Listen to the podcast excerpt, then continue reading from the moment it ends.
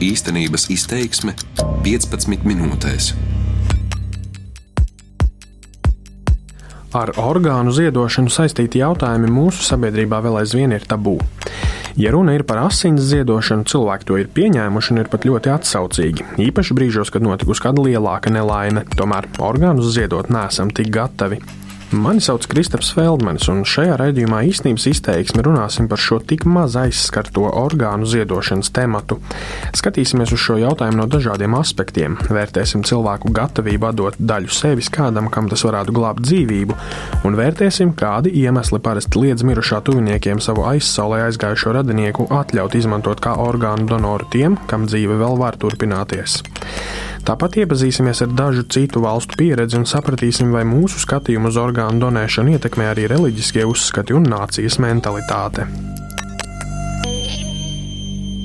Juriju Boromotovu Paula Stradiņa Kliniskās universitātes slimnīcas teritorijā es gaidu pavisam neilgi, tomēr viņš par to ļoti atvainojas. Saku, nekas viss kārtībā, un mēs dodamies cauri dažādām ēkām un iekšpagalmiem uz mūsu sarunas vietu. Ejot, viņš turpina runāt par nelielo nokavēšanos.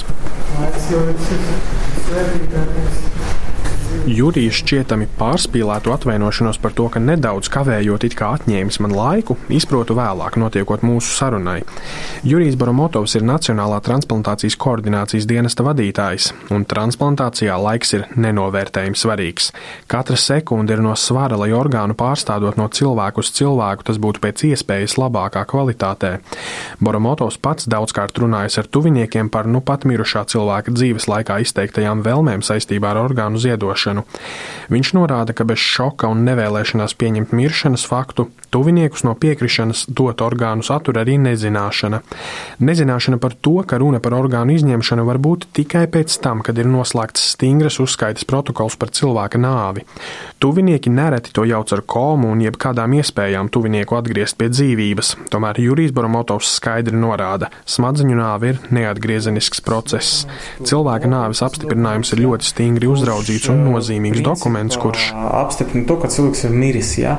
un tikai tad mēs drīkstam sākt strādāt. Tikko ir pārakstīts smadziņu nāves, cilvēks var būt deklarēts kā miris, vai nu, ja viņam ir apstājusies sirds, tātad, respektīvi, viņam ir monitora ārste redz, ka tur nekādas sirds aktivitātes nav, bez sirdsdarbības, protams, pārējo orgānu eksistence nav iespējama, izskatot arī smadziņu. Un otrs variants ir neiroloģiski, tas saucamie kriteriji, kad iet bojā izolēt tikai smadzenes, ko mēs saucam uz dotu brīdi smadziņu nāvi, jo, ja smadzenes ir aizguvušas, aizietas bojā, tad ar laiku arī viss organisms aiziet bojā. Un te, e, tāpēc arī paceļas jautājums par to, ka šajā gadījumā, ja, kurš ir visbiežāk mums mūsu valstī, ja, tad, tad e, mirušie donori pēc smadziņu nāves, viņus var vēl mākslīgi uzturēt sirdsdarbību, elpošanu, ja, ar domu sagaidīt piekrišanu vai atteikumu no orgānu ziedošanas no radinieku puses, vai nu pārbaudīt reģistru, ja dzīves laikā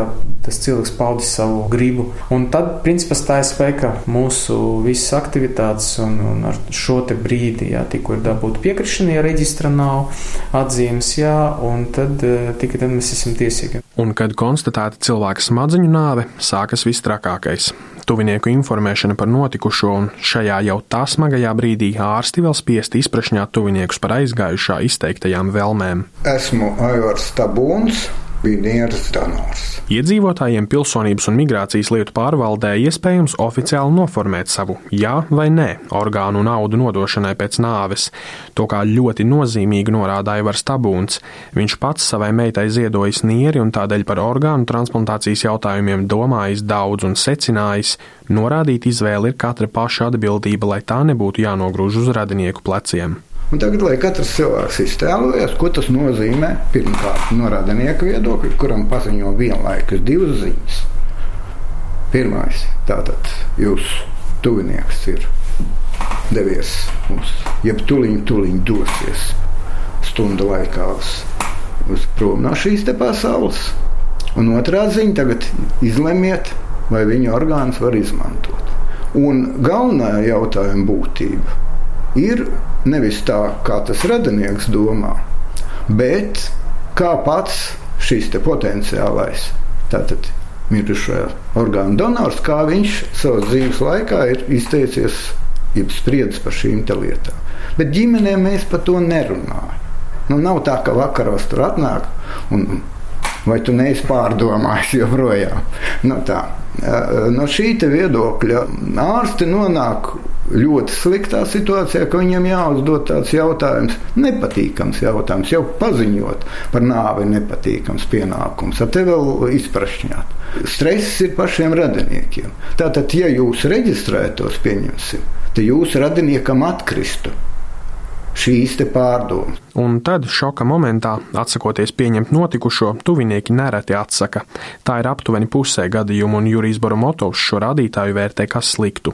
Tomēr nevienmēr. Arī Jurijs atminas gadījumu, kad tuvinieku drosmīgā rīcība ļāvusi glābt citu cilvēku dzīvības. Vecāki bērnu slimnīca piekrita ziedot savu sešu dienu veca bērniņa orgānus. Viņi tik inteliģenti, augsti izglītoti, emocionāli nosvērti. Mēs ziedojam Lietuvai eh, šo sirsniņu un eh, vēlreiz izmantojot šo te momentu es gribu pateikt paldies, jo viņi ir lieli varoņi. Bet no tuvinieku izprašņāšanas jau tā grūtajā brīdī, pie tam nodrošinot iespēju raitāk orgānus pārstādīt vai uzreiz saprast, ka tas nav atļauts, var reģistrējot savu gribu. Pilsonības un migrācijas lietu pārvaldē to iespējams izdarīt gan ierodoties uz vietas, gan arī izmantojot e-pakalpojumu portālā latvija.lv.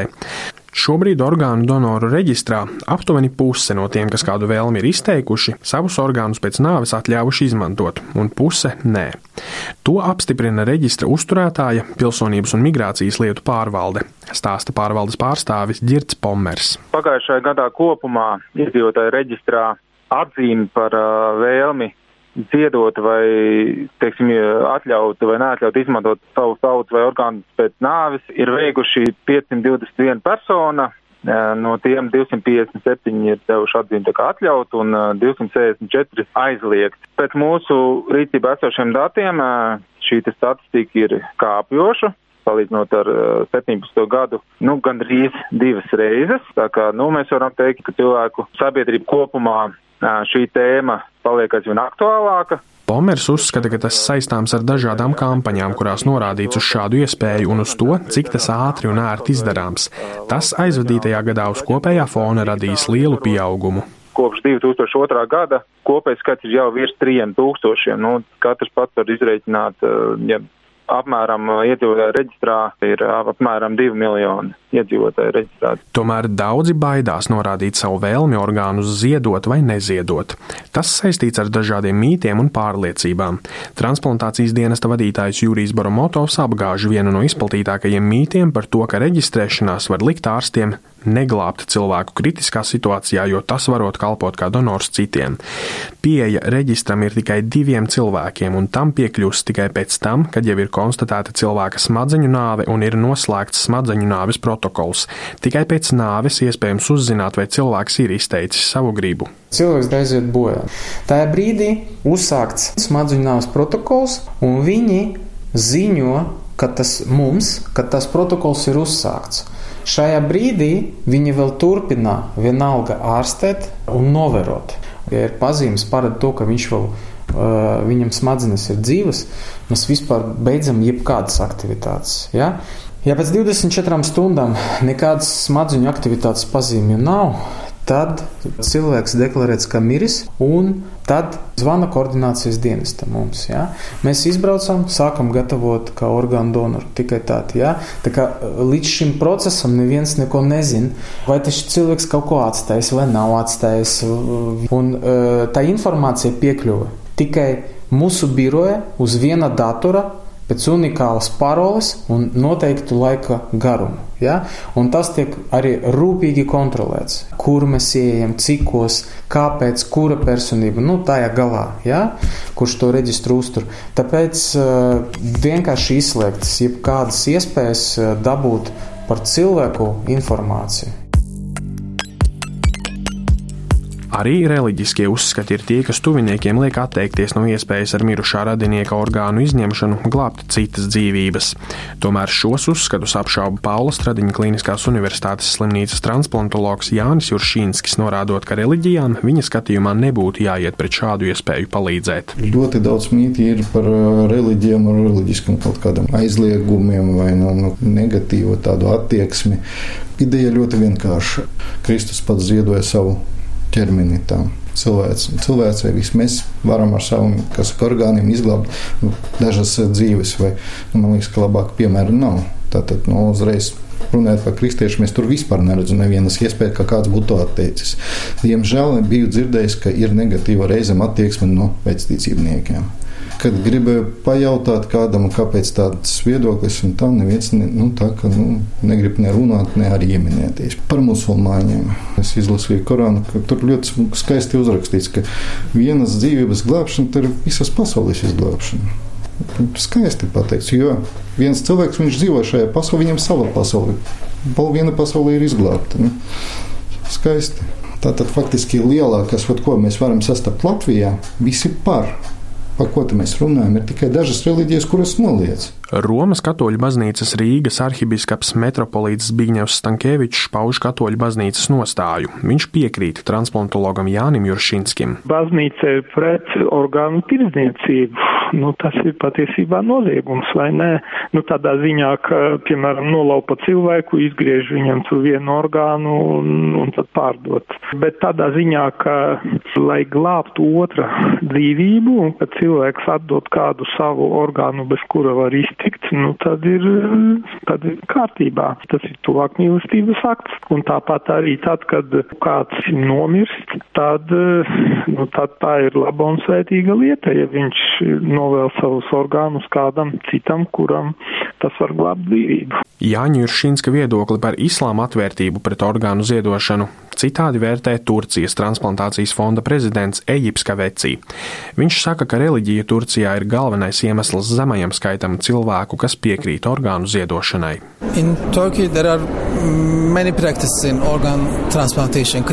Turcijā ir daudz orgānu transplantēšanu praktizējošas klīnikas, bet mums ir savi ierobežojumi. Orgānu donoru interese ir zema. 2018. gadā veiktā aptaujā gatavību vajadzības gadījumā būt par orgānu donoru izteica tikai 28% iedzīvotāju. Tas ir zems skaits salīdzinot ar Eiropas valstīm. Mums ir daudz projektu, lai mazinātu sabiedrības bailes no orgānu transplantācijām. Mums tas ir nozīmīgi, un mums gaidīšanas sarakstā, lai saņemtu orgānu, ir ap 3000 pacientu. Bet ierobežojumi, ko uzliek sabiedrības bailes, Turcijā ir ļoti lieli. Pētījumi liecina, ka aptaujās par orgānu transplantācijām galvenais iemesls, kādēļ cilvēki Turcijā nevēlas tajā iesaistīties, ir viņu reliģiskā pārliecība. Is the first of the refusal uh, reasons. Salīdzinot Turcijas un Latvijas pieredzes, jāsaprot, ka šo abu valstu orgānu donoru reģistra sistēmas ir krasi atšķirīgas. Latvijā strādā tā saucamā piekrišanas prezumpcija, proti ik viens, kurš speciāli nav norādījis nevēlēšanos tikt izmantotam kā orgānu naudu donoram pēc savas nāves, automātiski par tādu tiek uzskatīts. Tomēr transplantācijas dienesta vadītājs Jurijs Boromotovs mūsu sistēmu definē kā mīksto sistēmu, proti tā ir pielaidīga un pretīm nākoša. Tas nozīmē, ka vienmēr Tomēr, arī ja aizgājušais nav atstājis savu gribu, viņa tuviniekiem tiek prasīta atļauja. Piemēram, Spānijā, kas ir viena no Eiropas līderēm orgānu transplantācijā, jautājumi, kas skar orgānu pārstādīšanu, ir ikdienišķi un sabiedrība par to nevairās runāt. Tomēr mana personīgā pieredze rāda, ka sabiedrības izglītotība ir viens no pamatiem, kas var veicināt orgānu donoru kustību. Jo piedaloties mediju darba grupā Stambulā, kurā tika skatīti orgānu transplantēšanas jautājumi, dzirdēju kāda Somālijas žurnālista sašutumu par sirds transplantēšanu. Tā nesot pieņemama, jo sirds taču saglabā cilvēku cilvēka dvēseli. Kamēr cilvēki baidīsies līdz ar sirdi pārstādīt arī dvēseli, tikmēr, protams, labus rādītājus šajā jomā sasniegt ir grūti. Svarīgi saprast, ka atzīmes izdarīšana reģistrā nekādā veidā nevar ietekmēt ārsta centienus palīdzēt cilvēkam kritiskā situācijā. Tāpat šāda atzīme, un šeit jāpiebilst, ka nav svarīgi, vai tā ir atļauja vai aizliegums, gluži vienkārši pasargā tuviniekus no ārkārtīgi nepatīkamas pieredzes, kad cilvēkam nomirstot, ārsti zvana tuviniekam paziņot šo nepatīkamo vēsti un teiklāt uzdod šādu jautājumu: vai aizgājušais ir izteicis vēlmi ziedot orgānus? Transplantācijas dienesta vadītājs Jurijs Boromotovs nonācis pie neapgāžamas secinājuma. Vienīgais, par ko mēs varētu būt pārliecināti šī dzīve, ir, ka mēs simtprocentīgi visi nomirsim. Un tad ir atlicis tikai viens jautājums. Vai kad tas notiek, tuvinieki būtu pelnījuši domāt par aizgājēju vēlmēm jau tā grūtajā brīdī, ja tās skaidri norādītu iespējams vēl pašam dzīvam esot? Šo raidījumu veidoju es, Kristaps Feldmanis, par labskaņu rūpējās Renārs Šteimanis.